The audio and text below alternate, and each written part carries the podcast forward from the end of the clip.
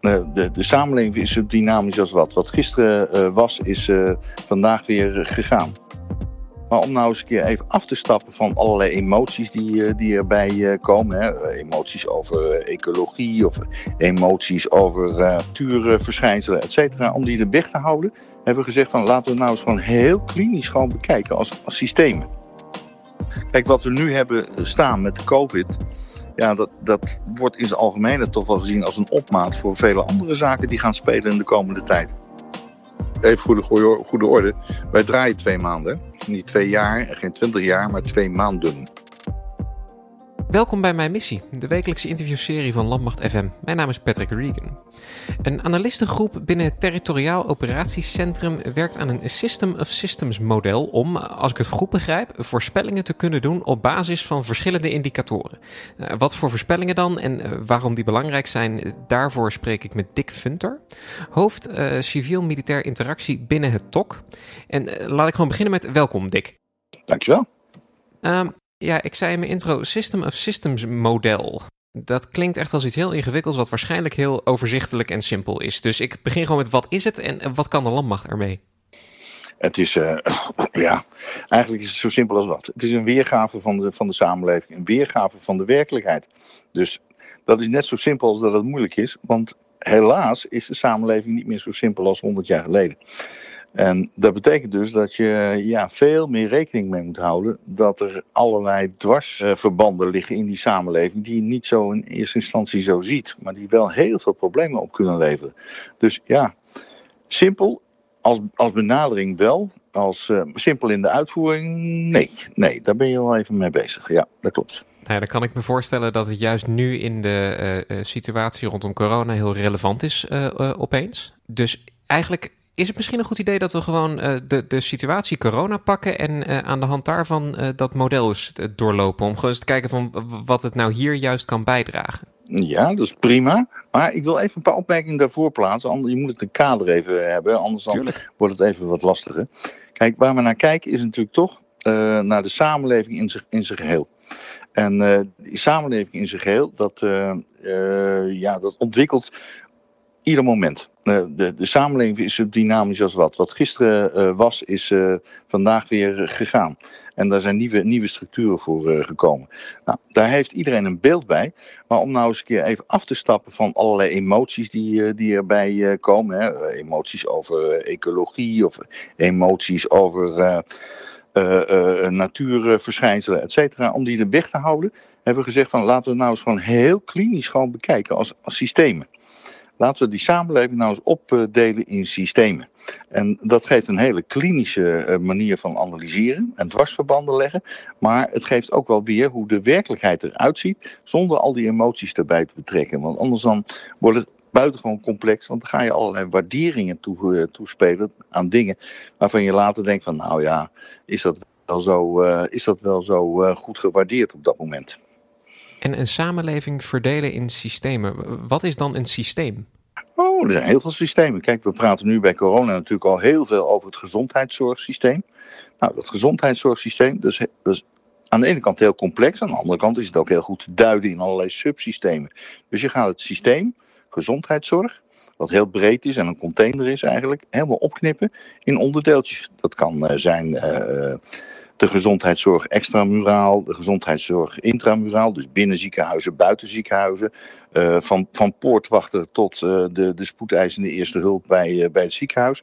Dus je analyseert eigenlijk dat stukje van de samenleving, hoe dat in elkaar zit. Hoe dat, in, hoe dat samenwerkt onderling als, als systeem gezondheidszorg.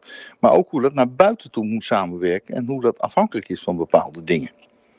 En dat, uh, die analyses die gebeuren nu binnen het TOC. Misschien als we dan toch nog met uh, randvoorwaarden en kaderschetsen bezig zijn. Een kleine uitleg van wat het TOC juist nu misschien ook in die coronasituatie doet en waar het eigenlijk voor is. Nou, het TOC is in feite een onderdeel van het C2-denken van de Koninklijke Landmacht. Dus waar vroeger de beslissingen over inzet en de verdeling van middelen uh, gedaan werden door, uh, vanuit de directie operatieën van de landmachtstaf en uitgevoerd werden door de brigades, is daar nu een systeem tussen gezet. Dat noemen we territoriaal operationeel centrum. En dat, dat, dat, dat commandocentrum, dat is er eigenlijk om de middelen aan te sturen die in Nederland in een nationale operatie ingezet worden. Dat uh, is een, een, uh, een, een, onderdeel, een vast onderdeel van de Koninklijke Landmacht geworden. Het is eigenlijk net, net opgestart. Hè. We hadden met Host Nation Support hadden daar de eerste, de eerste mogelijkheden voor tijdens Defender. nou, dat is allemaal afgeblazen door de COVID. En we zijn eigenlijk zo van een hele logistiek, zwaar logistieke operatie, zijn we in een soort van missie COVID-19 ge, gestart. En ja, dat, uh, dat was best lastig als coördinatiecentrum. Want je zit hier natuurlijk toch met uh, alle mogelijke uh, opstartproblemen die je als nieuwe organisatie hebt. Maar met heel veel hulp van, van stafmedewerkers van buitenaf is het toch heel langzaam maar zeker tot een, tot een bepaald beeld gekomen, tot een bepaalde organisatie. En het is nu gewoon een lopende organisatie. En binnen die organisatie um, wordt dan dus dat Systems of Systems model gebruikt om uh, bepaalde analyses te doen. Dus om een informatiebehoefte te voorzien. Klopt. Kijk, uh, ook wij hier binnen TOC hebben een, een, een staf volgens de, volgens de normale principes opgebouwd. En dat loopt echt van een commandant TOC en een, en een chef staf via de stafsecties. En we hebben hier de stafsecties 1 tot en met uh, 9 ingevuld. En wij zitten in de stafsectie 9, die weer heel nauw samenwerkt met de stafsectie 2 uh, uh, en de medcel, hè, dus een medische cel. En wij, wij zijn eigenlijk verantwoordelijk voor wat wij noemen de, de verkenning van de omgeving. De environment cell noemen ze dat. En in die environment cell hebben wij als negen een, eh, een, eh, een, een rol zeg maar, om die civiel-militaire interactie in beeld te krijgen.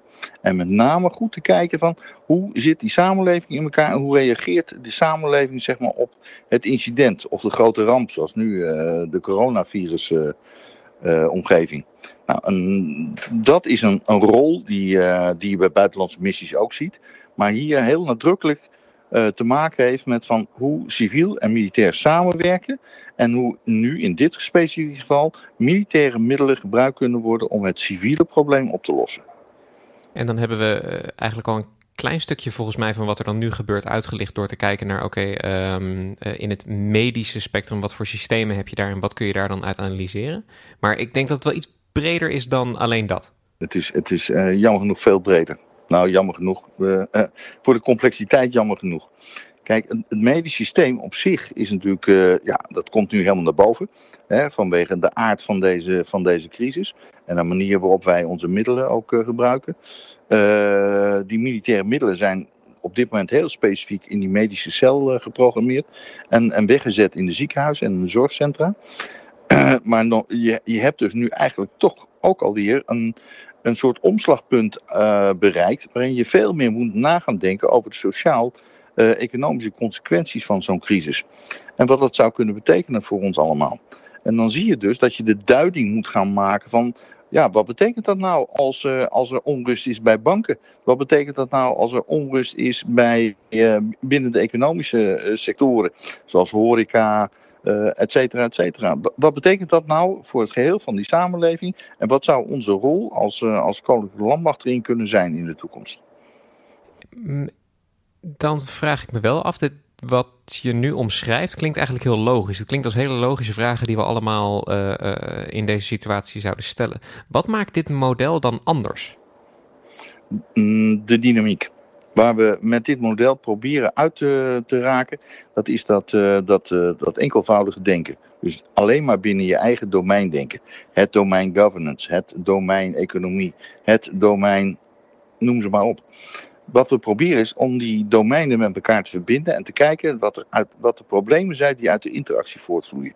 Het is uit de literatuur heel erg uh, sterk naar voren gekomen dat doordat die domeinen met elkaar verbonden zijn, de, de, de impact zeg maar, van de verstoring veel groter is dan de enkelvoudige verstoring.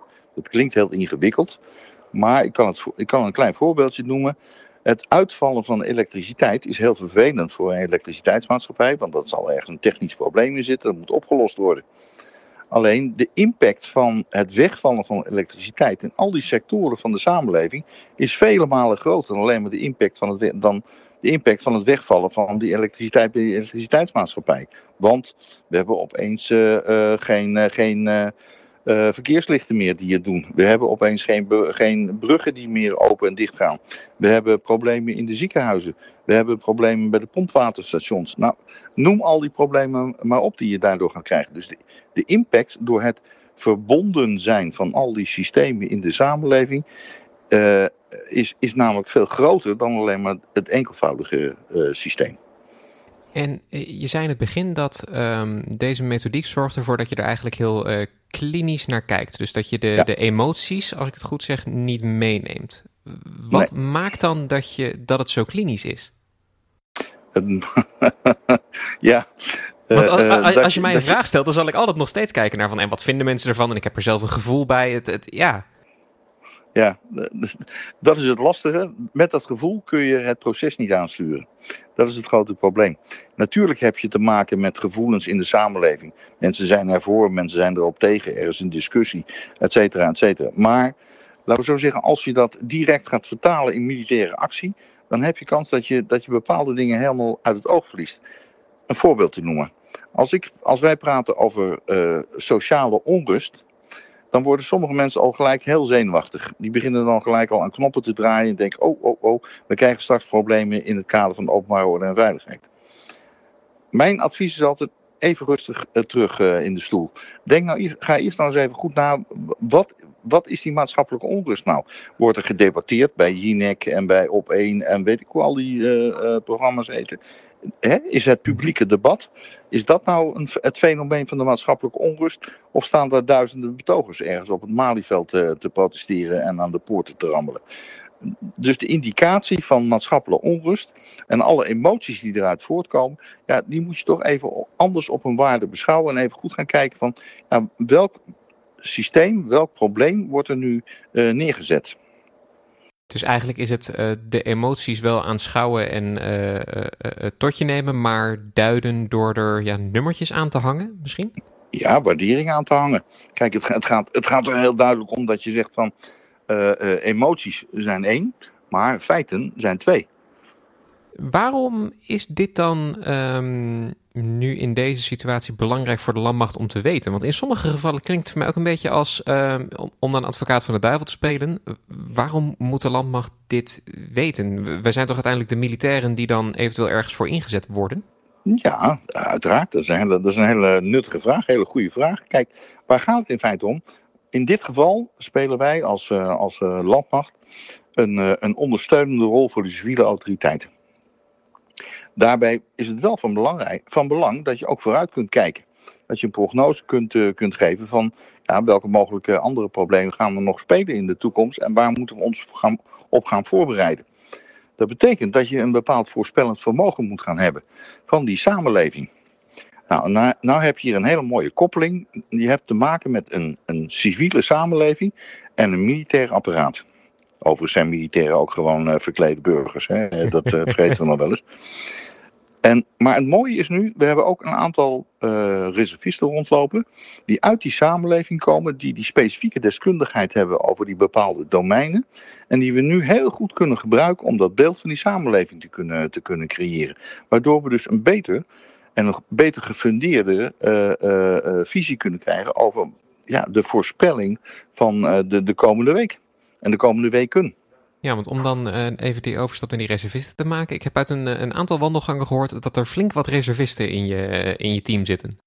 Ja, ons, ons, ons G9-team bestaat helemaal uit, uit, reservisten. Ik heb helemaal geen beroeps in, het, in team zitten.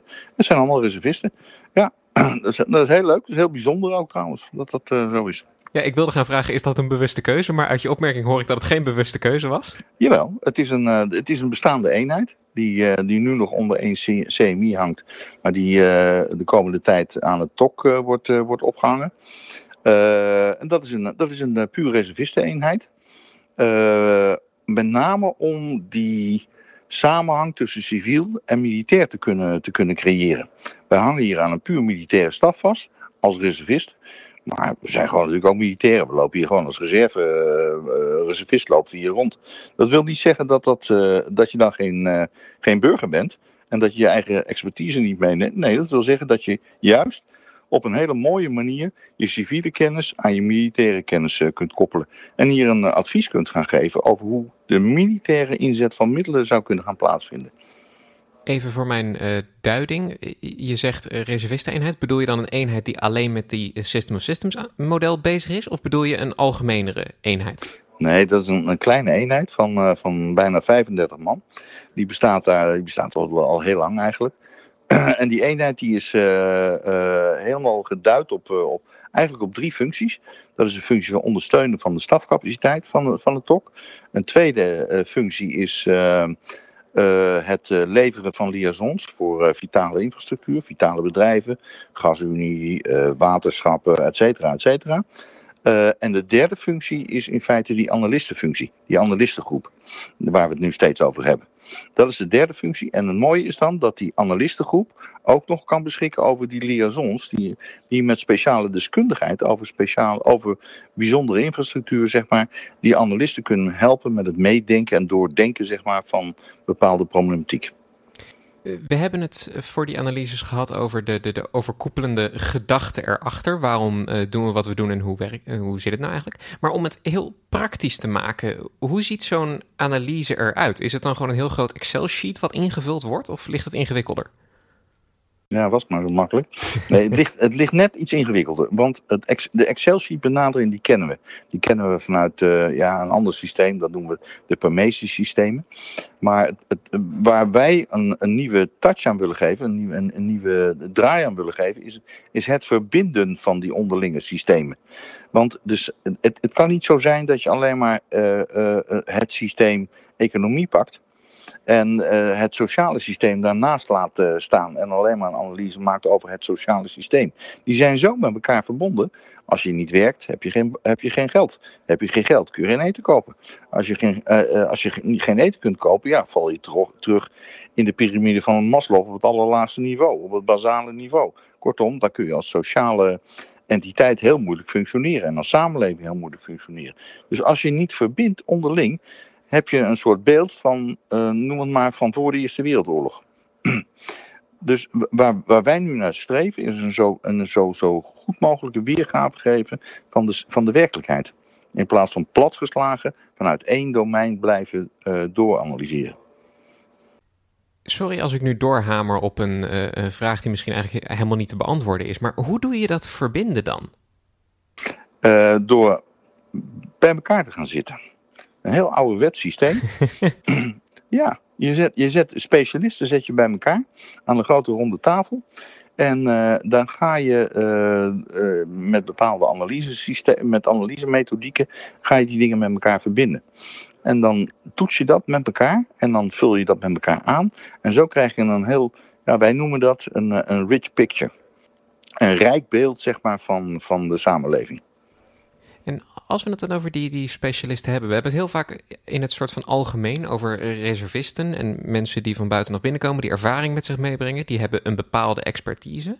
Maar eh, kun je eens een dwarsdoorsnede geven van wat voor expertises daar dan, dan zitten en wat die mensen misschien ook voor achtergrond hebben? Ja, we hebben hier uh, economen rondlopen. We hebben hier uh, mensen uit de waterschap rondlopen. We hebben hier mensen van de politie rondlopen. We hebben hier mensen rondlopen van het bankwezen. Uh, ja, Ge geef het maar een naam. Pak ja. uh, een gemiddelde dwarsdoorsnede van de samenleving en het loopt er allemaal eigenlijk wel rond op een bepaalde ja, het manier. Loopt al, het loopt allemaal in het wild rond, in een groen pak. ja, absoluut. En die hebben we onder de knop. En daar kunnen we, kunnen we over beschikken. En uh, ja, het, het, is voor ons natuurlijk de link met de samenleving. En we gaan niet overdoen wat er in de samenleving al gebeurt. Hè? Want we zijn natuurlijk helemaal gekoppeld aan uh, het Landelijk Coördinatiecentrum en uh, het LIMSI. En we zijn gekoppeld aan het LTC. Allemaal nieuwe, nieuwe entiteiten die gekomen zijn. Daar zijn we aan gekoppeld. Daar, daar wisselen we gegevens mee, uh, mee uit. Maar we proberen wel een, eigenstandig beeld voor uh, de Commandant TOC. En uh, gelet op de, de, enorme belangstelling die we voor TOC hebben, ook voor, voor veel, vele lagen daarboven, een beeld te scheppen. Nou hebben we uh, de coronasituatie gepakt als, als, als praktisch voorbeeld. Maar dit lijkt me een methode die binnen de landmacht wel meer effect kan hebben. Is dit iets voor, wat voor de lange termijn? Of is het voor nu even bij elkaar gesprokkeld? Nee, ik hoop, ik hoop, uh, ik ga er niet over, maar ik hoop dat dit voor de lange termijn is en dat we dat beter in kunnen bedden in onze, in onze analyse en, uh, en planningssystemen. Kijk, want je kunt hier uh, natuurlijk op een buitengewoon goede manier ook andere inzetten mee, mee plannen. Hoe zou dat um, bij de inzetten die we nu doen, hoe, is, zou dit bijvoorbeeld in, in Litouwen een nuttige toevoeging zijn? Zeker. We gebruiken de, de basis Daarvan gebruiken we natuurlijk nu, nu ook al, want dat noemen we het permissiesysteem, een scopisch systeem. En met dat systeem uh, analyseren we de omgeving al. Alleen, uh, wij hebben zelf gemerkt dat je daar veel actiever mee om moet gaan door ja, zeg maar de dynamiek tussen die systeemanalyses uh, met elkaar te verbinden. Want we hebben de kreet nu een paar keer gebruikt. Permissiesysteem is een systeem kijkt naar uh, een aantal uh, factoren. Dus politiek, economisch, help me verder even, want ik weet het ook niet ja, mijn hoofd. politiek, economisch, militair, uh, sociaal. En dat komt, dat komt in vrij grote lijnen overeen. En dat is helemaal niet zo raar. Want dat is een, gewoon een, een, een beeld, een picture zeg maar, van, uh, van, de, van de samenleving. Dus die dingen komen heel veel bij elkaar. En je ziet ze ook heel veel bij uh, uh, analyses van de WHO en de, de, de VN in zijn algemeenheid. Het komt natuurlijk ook voort uit het idee dat je de samenleving weerbaarder moet gaan maken wil je ze niet kwetsbaar maken voor alle mogelijke calamiteiten, zul je de samenleving weerbaarder moeten maken. En hè, weerbaarheid, dat, uh, of resilience, het is maar, het is maar welke, welke naam je eraan geeft. Ja, dat gaat heel diep in die samenleving. En dat moet er inderdaad voor zorgen dat je dat voorbereidt. Uh, dat je de mitigatie, als er echt iets gebeurt, goed ter hand kunt nemen. Maar dat je ook de herbouw, dus de, de, de, de hele rehabilitatie daarna, weer op kunt pakken op een zodanige manier dat je een uh, dat die samenleving weer gaat draaien. nou, daar zijn hele goede, hele goede voorbeelden voor en hele goede uh, resultaten mee bereikt in het verleden. Ben ik ben heel erg benieuwd. Uh, je zei er straks, als, ehm, als mensen met plannen komen, dan zeg ik soms van ga weer even zitten, laten we er nog even over nadenken. Nu ken ik militairen een beetje en die zijn niet zo van ga weer even zitten. Die zien iets, die willen dingen gaan doen. Hoe reageren mensen op jullie methodes en jullie analyses? Uh, in eerste instantie kritisch en uh, ingewikkeld. Ze vinden het veel te ingewikkeld. het is niet van uh, een druk op de knop. Dus het is, een, het is best een lastig proces om te doen. En, maar hoe, langer je ermee bezig bent, hoe beter je erover nagedacht hebt, hoe makkelijker het ook wordt om in de toekomst te, gaan, te gaan toepassen. Je kunt hier ook heel best goede aut automatiseringsslagen opdoen. Hè? Dus als ICT zich erover buigt, kun je daar heel veel snelheid mee winnen. En hoef je steeds dat proces niet, uh, niet uh, tot in alle dieptes te herhalen, maar kun je, laten we zo zeggen, nieuwe scenario's invoeren en op die manier de zaak uh, oppakken. Het is nu ook nu dat deze het TOC in de huidige situatie al wat langer loopt, komt er ook een bepaalde soort van handigheid in, denk ik dan. Natuurlijk, maar even, even voor de goede, goede orde. Wij draaien twee maanden als TOC twee maanden. Niet twee jaar, geen twintig jaar, maar twee maanden. Als we het hebben over een sprong in het diepe, is dit wel een hele grote sprong in het hele dit diepe. Was, dit was een enorme sprong in het diepe. En nou, ik ben heel blij dat we er zoveel reservisten bij hebben kunnen inzetten om, uh, om uh, de zaak uh, drijvend te kunnen houden.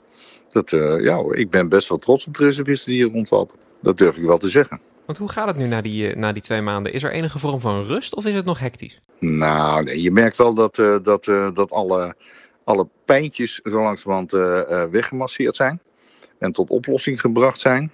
Maar nu moeten we het vasthouden en zorgen dat uh, die pijntjes weer niet terugkomen. Dus kijken naar de organisatie, kijken naar de middelen die beschikbaar zijn. Ja, kijken naar de samenhang der dingen. Want er zijn heel veel organisatieveranderingen ook in de omgeving hebben er plaatsgevonden. Ja, dus ja, we, we moeten dit, dit hele verhaal wel heel goed gaan evalueren. En op een rij gaan zetten, zodat we wel de, de lessons learned eruit trekken. Maar al met al denk ik een hele uh, uh, positieve ervaring als ik het zo, als ik het zo hoor. Ja, ik vond het uh, heel erg als, ja, als leermoment vond ik het wel heel erg interessant, moet ik zeggen. Ik, ik heb wel meer van dit soort situaties meegemaakt. En nou, dit, maar de grootschaligheid van dit overtreft echt alles. Dan ga ik als laatste nog een klein beetje een achtergrondvraag stellen. De, um, de ervaring die iemand nodig heeft om een dergelijke analyse te maken. Hoe Want uh, ja, de mensen die in zo'n analistenteam zitten, die zijn denk ik specialist op their eigen gebied. Dus die zullen daar meer verstand van hebben. Maar er moet op een gegeven moment een soort van overkoepelend iets zijn om het allemaal samen te brengen en er één goed advies uit te geven. Ja. Hoe werkt dat? Hoe doe je dat? Uh, uh, door, dus, door een stoute broek aan te trekken en daarvoor te gaan zitten en het proces te leiden. Kijk, er moet, altijd, er moet altijd één iemand zijn die eraan trekt. Ik moet eerlijk zeggen, ja, ik, ik ken dit proces vanuit mijn civiele omgeving al, uh, al jaren. Omdat we daar, ik ben zelf lector op een hogeschool. De Hogeschool Zeeland in Vlissingen. En nou, daar zijn we al een hele tijd bezig geweest met, met, met deze materie. Met, met mijn collega's lectoren. En dat, was, dat is heel leuk dat we nu ja, toepassingsmogelijkheden zien. En dat er zoveel enthousiasme ook is om, uh, om daarmee verder te komen. En dat is natuurlijk heel leuk. En, en de collega-reservisten voor een groot deel herkennen de noodzaak er ook van. En gaan er ook in mee. Ja. Zie je dan ook buiten de landmacht nog toepassingen voor deze, uh, deze methodiek? Of is het echt, echt een, een, een militair iets? Nee, het, het heeft een, een volkomen civiele uh, oorsprong. En uh, het, het wordt ook bij het nadenken over resilience in, uh, in de samenleving wordt het, uh, wordt het ook gebruikt. En met name dat, dat, dat, dat dynamische wat erachter zit, ja, dat spreekt heel veel mensen aan. En ja, het, het, het wordt ook, laten we zo zeggen, als een soort van idee gebracht waarmee we de, de, de samenleving in de toekomst een, een, stapje verder moeten gaan brengen in het meer weerbaar maken tegen allerlei mogelijke problemen die er gaan komen. Kijk, wat we nu hebben staan met de COVID, ja, dat, dat wordt in zijn algemeenheid toch wel gezien als een opmaat voor vele andere zaken die gaan spelen in de komende tijd. En ja, dan heb je te maken met die complexiteit van die samenleving. En je hebt te maken met de complexiteit van, eh, van bestuurlijk Nederland. Ja, en dan zul je daar toch uh, rekening mee moeten houden. Nou, met deze systemen kunnen we, ja, kunnen we de toekomst tegemoet als we dat willen. Mijn gast vandaag was Dick Funter. Ben je nou fan van de show? Help ons door een review achter te laten op Apple Podcasts of Stitcher. Of raad de show aan bij vrienden, familie, collega's. En ben je nou benieuwd naar een onderwerp dat wij moeten behandelen? Tweet dan met de hashtag Mijn Missie of stuur ons bericht op Facebook of Instagram. Mijn Missie is een productie van de Koninklijke Landmacht. Nieuwe afleveringen komen iedere maandagochtend online en je vindt ze in de meeste podcastspelers. Gewoon zoeken op Mijn Missie. Abonneer je en mis geen enkele aflevering. Je volgt de Koninklijke Landmacht via Twitter, Instagram, Facebook en YouTube en check defensie.nl voor het laatste nieuws rondom de krijgsmacht. Nogmaals, onwijs bedankt voor het luisteren en tot volgende week.